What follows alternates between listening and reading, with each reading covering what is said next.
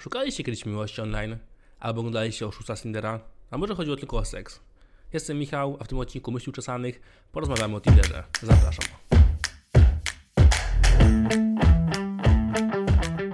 Przygotowując się do tego odcinka, musiałem trochę swoją wiedzę odświeżyć, ponieważ będąc od kilku lat w szczęśliwym związku, nie miałem już okazji korzystać z aplikacji randkowych.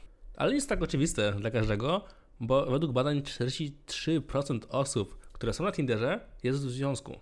Dziwne, nie? Ale Tinder nie jest jedyną aplikacją randkową. Nawet Facebook eksperymentował z Facebook randki. Jest tego masa. Są rzeczy takie jak BLK, czyli portal tylko dla osób czarnoskórych. Jest e, OkCupid, jest Grinder, Hinge, Metric, Plenty of Fish, Hakuna, czy oryginalna i pierwsza strona randkowa, która kiedykolwiek powstała, Match.com. To, co łączy te wszystkie aplikacje, poza tym, że starałem się znaleźć nam randkę czy drugą parę, to, co je łączy, to, że wszystkie należą do jednej grupy, czyli właśnie Match Group. Jedyną aplikacją, taką większą, szerszą, nie należącą do tej grupy jest Badu. Swoją drogą, po przygotowaniach się do tego odcinka, sprawdzeniu kilku stron, kilku aplikacji, szukaniu tym informacji, cały mój internet jest zawolony informacjami o tym, że powinienem się zapisać na kolejny portal randkowy. Ale wróćmy do Match Group. Posiadają najwięcej aplikacji, najwięcej stron i to jest świetna strategia, bo dzięki temu mogą celować w różne grupy wiekowe na przykład, albo różne grupy etniczne.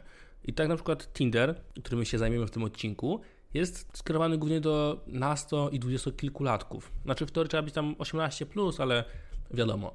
Ale na przykład oryginalna strona match.com, która powstała w roku 95, tam nie ma swajpowania, co jest pewnie świetne dla nastolatków czy dwudziestolatków. Tam mamy bardziej to podejście z formularzem, tak? gdzie wypełniamy, piszemy o naszych zainteresowaniach.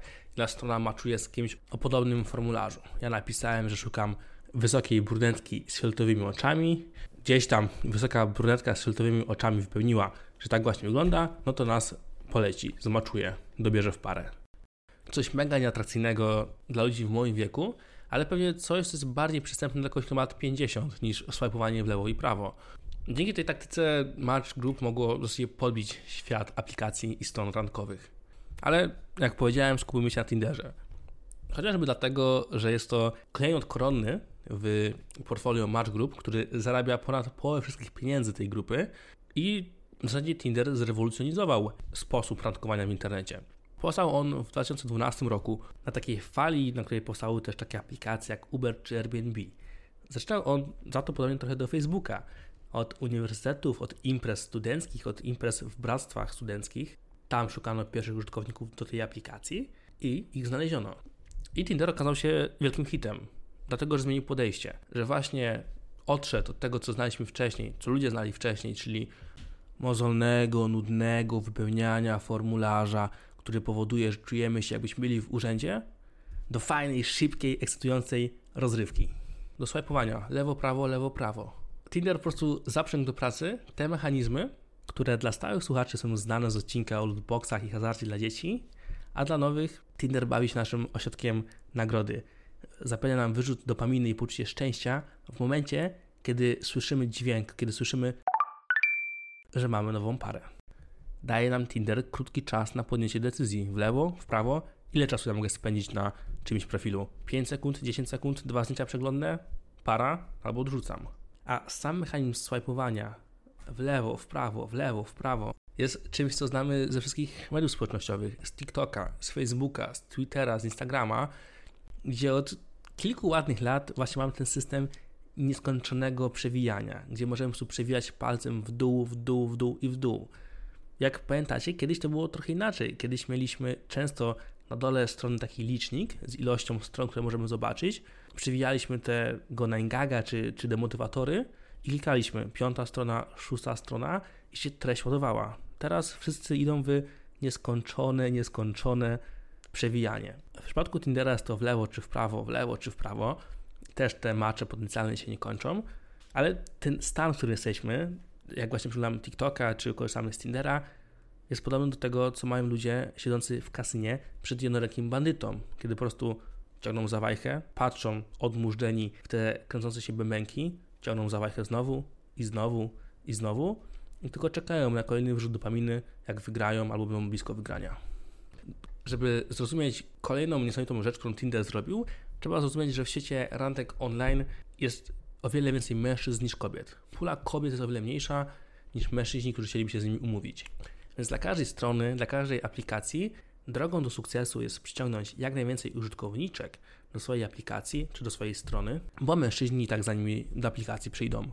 Działa to tak samo jak z klubami nocnymi, gdzie często panie wchodzą za darmo, bo jak już panie są, to przyciągną panów, a panowie za wejście muszą zapłacić. No a co było powodem, dla którego kobiety nie chciały korzystać z portali rankowych czy aplikacji rankowych? No, była to niechęć do bycia zasypaną wiadomościami od ludzi, których nie znamy, czy dostawaniem zdjęć, niechcianych zdjęć od ludzi, którymi nie jesteśmy zainteresowani. Tinder, wychodząc temu naprzeciw, stworzył system, gdzie możemy się komunikować tylko z ludźmi, którymi sami jesteśmy zainteresowani. Obie osoby muszą wykazać zainteresowanie, żeby zostać sparowane i móc wymienić wiadomości. Więc warunkowanie nas, byśmy mieli wyrzut dopaminy w trakcie korzystania z aplikacji, krótki czas na podjęcie decyzji, atrakcyjny interfejs, czy w końcu przyciągnięcie dużej ilości kobiet do aplikacji.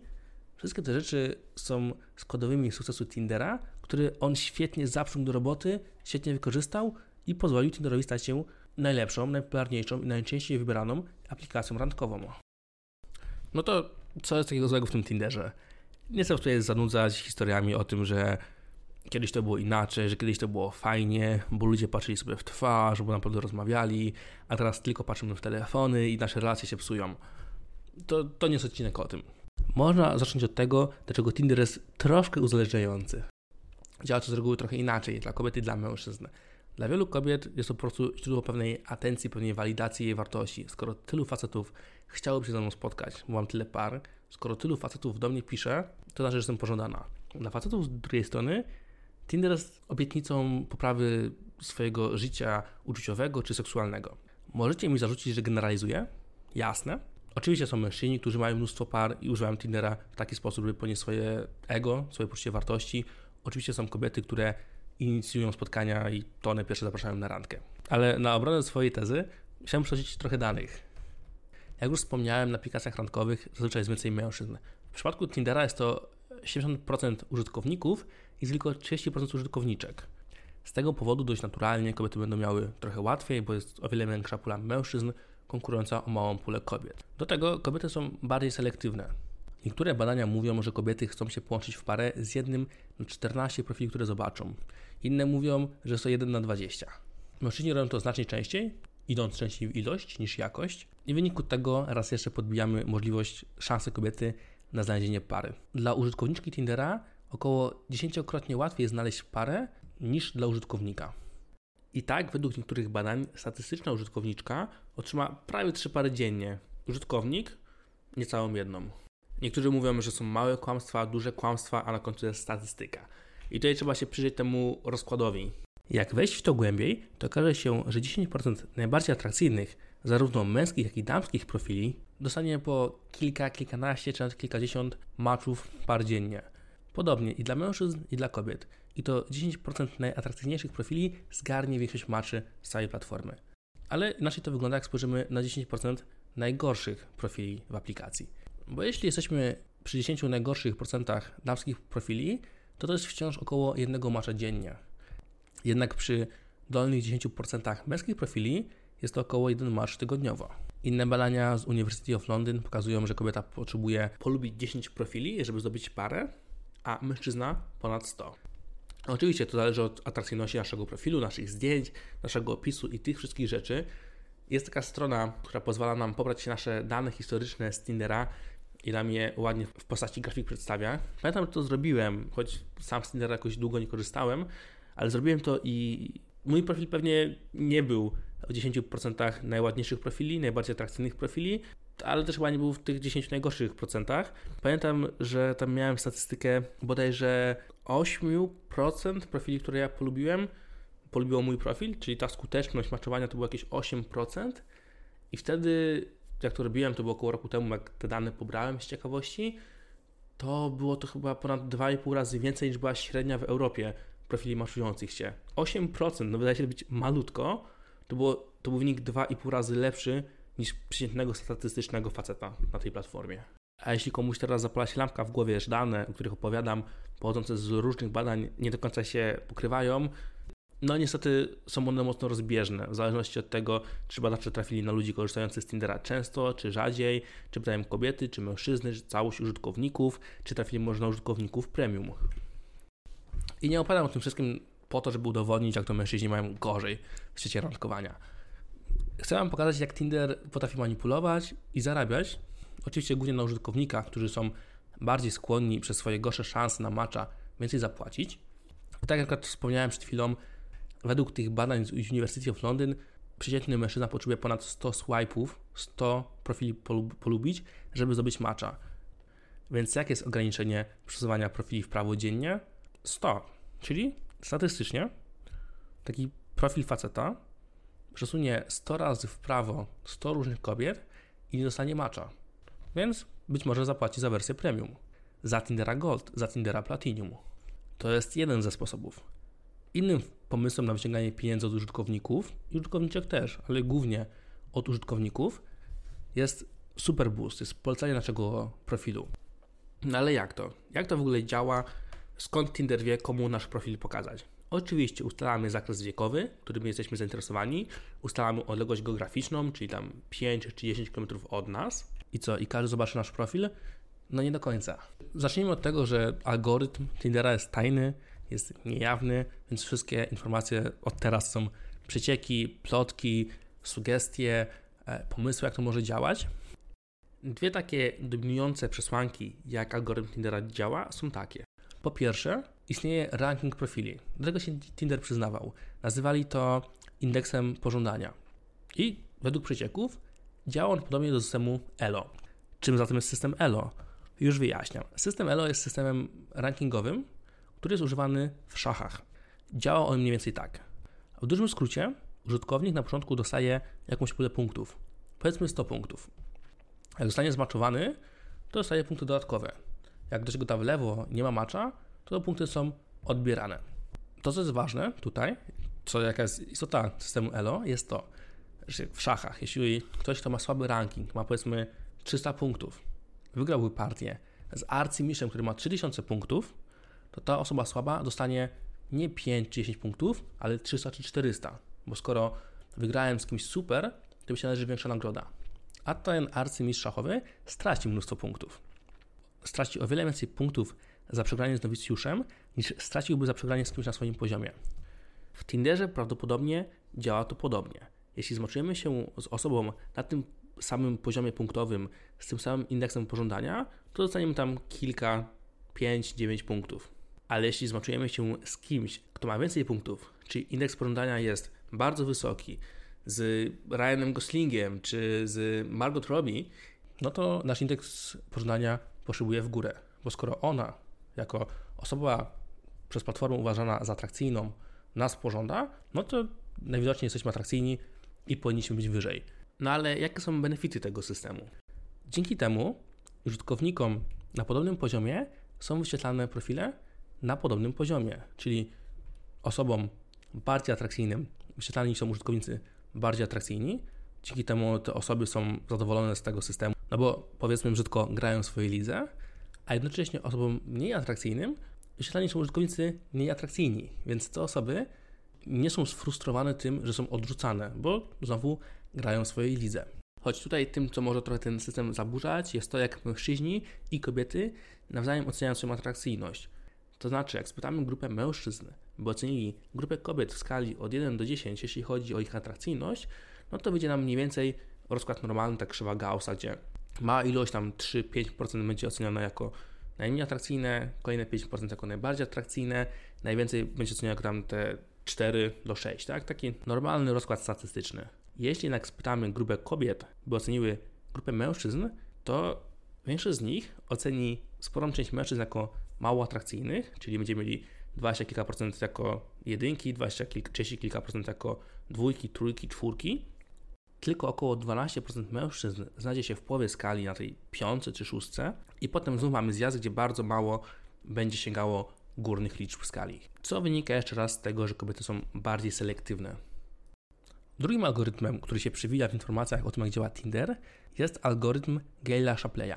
Jest to algorytm, który pozwala wyłapywać nam podobny gust. To znaczy, wyobraźmy sobie sytuację, że Madzia i Kasia obie zmaczowały się z Łukaszem. Po czym Madzia zmaczowała się jeszcze z Marcinem. Więc skoro obie te użytkowniczki polubiły Łukasza, czyli mają podobny gust, być może, a potem jeszcze jedna polubiła Marcina, to może warto drugiej, Kasi, też tego Marcina wyświetlić. Może też się jej spodoba, skoro mają podobny gust. To są takie dwie przesłanki, takie dwa tajne algorytmy Tindera, jak on w teorii działa. Oczywiście tam jest też mnóstwo innych, te algorytmy ciągle ewoluują i takie rzeczy jak prawdopodobnie, takie rzeczy jak to, jak nasza aktywność na profilu, to jak dużo czasu spędzamy czyjś profil przeglądając, to ile mamy zdjęć, to jak często odpisujemy na wiadomości, prawdopodobnie to też jest brane pod uwagę. To jest dość skomplikowana rzecz, ale ten system ELO i algorytm Gale'a Shapleya jest takim kręgosłupem tego, jakie profile są nam polecane. No ale jak to mamy za sobą, to wróćmy do kasy. Jak Tinder wyciąga kasę od ludzi? Oczywiście, więcej swipe'ów dla tych mężczyzn, których, którzy ich potrzebują, żeby statystycznie zdobyć parę, jasne, za to się płaci. Jak już mamy ten algorytm, to możemy go zboostować. Możemy zapłacić za to, żeby nasz profil pojawił się częściej większej ilości użytkowników, albo żeby pojawił się bardziej atrakcyjnym użytkownikom. Czyli próbujemy obejść ten nasz indeks pożądania, próbujemy być trochę wyżej albo trochę częściej wyświetlani. To jest na Tinderze Ultra Boost czy Super Boost. Kolejną funkcją, za którą możemy płacić, jest funkcja cofania, przesunięcia w lewo lub w prawo. To znaczy, jeśli mieliśmy ładny profil, atrakcyjny dla nas profil i przypadkiem daliśmy go w lewo i teraz rozpaczamy, bo może to był ten jedyny albo ta jedyna wybranka, z którą mogą sobie ułożyć życie, no to mogę tę akcję cofnąć i dać im jednak w prawo. Ale czym dalej w to wchodzimy, tym robi się zabawniej, ponieważ możemy zapłacić za funkcje, które stoją w sprzeczności z podstawowymi założeniami Tindera. To, co jest świetne w Tinderze, to, co zrewolucjonizowało aplikacje randkowe, jest to, że możemy rozmawiać z osobą, Dopiero jak oboje wyrazimy zainteresowanie, dopiero jak nas zmaczuje. Do tego nie widzimy, kto nas zmaczował, dopóki sami tą osobę nie trafimy. Obie osoby muszą być zainteresowane, żeby można było zacząć rozmowę. Ale przecież możemy sobie kupić na Tinderze super lajki. Działają one w taki sposób, że jeśli widzimy jakiś fajny profil, damy mu super lajka i potem ta osoba zobaczy nasz profil, to przy naszym zdjęciu jest taka gwiazdka niebieska poświata. Ta osoba wie, że my jesteśmy już zainteresowani, że my już jej daliśmy tego super lajka, że jak ona swipnie, to to będzie pewna para. No czyli odrzucamy trochę tą zasadę, że obie osoby muszą się polubić, żeby doszło do interakcji. Ale idąc dalej, w niektórych regionach świata stosowana jest funkcja, gdzie razem z super lajkiem można wysłać krótką wiadomość.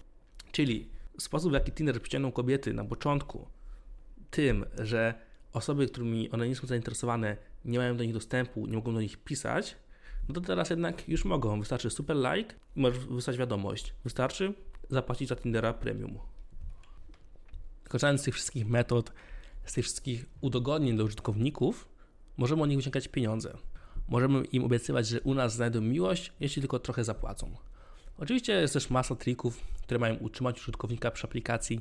Niektórzy sugerują, że gdy założymy konto po raz pierwszy, albo po raz kolejny zainstalujemy aplikację, albo wrócimy do niej po długim okresie niekorzystania z niej, nasz profil również jest sztucznie podbijany. Mamy więcej maczy, nasze doświadczenia z tą aplikacją są fajniejsze, jesteśmy zachwyceni, wow, ale mi dobrze idzie. Kojarzy się Wam to może z paczkami powitalnymi, o których mówiłem dwa odcinki temu? mi trochę tak. No więc wykorzystując wszystkie te dynamiki, wszystkie te triki, bardziej lub mniej moralne, na miłości można nieźle zarobić. I tak w ostatnim roku Tinder zarobił prawie miliard dolarów.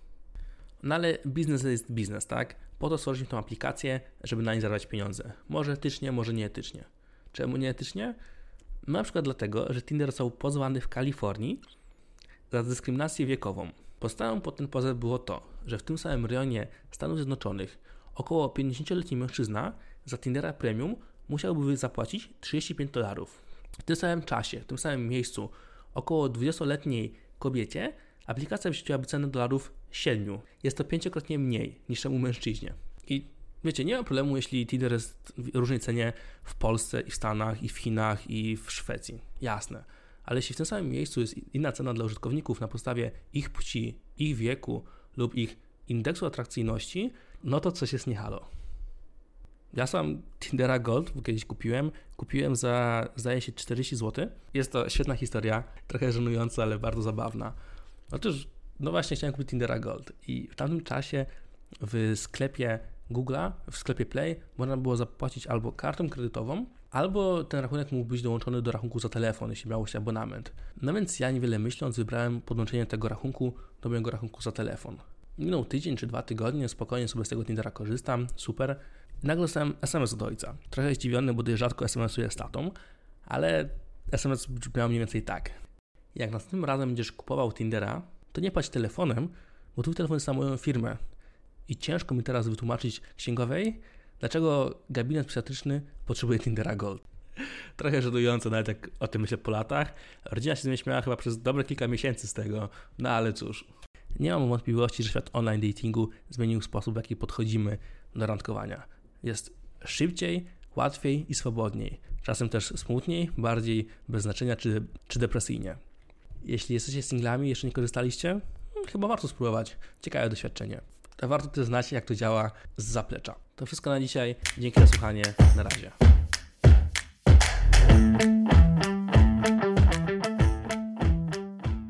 Jeśli ten odcinek był dla Ciebie ciekawy i znasz kogoś, kto korzysta z Tindera i powinien go usłyszeć, podeślij mu. Dzięki.